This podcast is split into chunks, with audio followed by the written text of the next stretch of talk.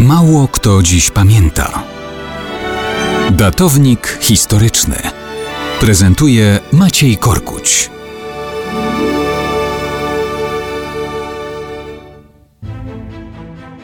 Mało kto dziś pamięta o hiszpańskim szturmie na Ostendę przeprowadzonym w dniach 7 i 8 stycznia 1602 roku.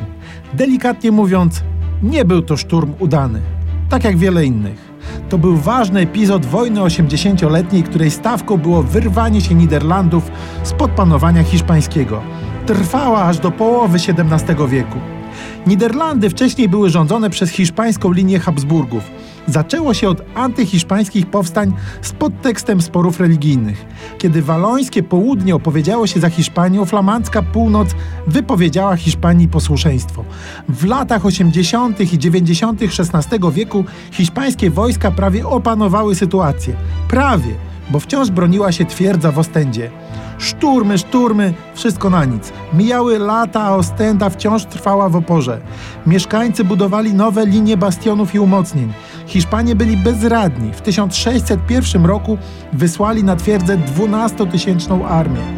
Przeciw sobie mieli 7-tysięczny garnizon obrońców, który drogą morską zachowywał kontakt ze światem. Hiszpanie, Burgundowie, Włosi i Walończycy z mozołem próbowali łamać kolejne linie umocnień. Na próżno. Ponosili przy tym dotkliwe straty. Szturm z 7 na 8 stycznia miał przynieść przełom. Nie przyniósł. Mordercze ataki kosztowały Hiszpanów ponad 2000 trupów. To była klęska, która nie pozwoliła im już na żaden szturm Ostendy przez ponad rok. Finalnie Hiszpanie Ostendę wzięli w roku 1604. W sumie w ponad 100 odpartych szturmach stracili ponad 40 tysięcy żołnierzy. Doprawdy trudno to nazwać błyskotliwym zwycięstwem.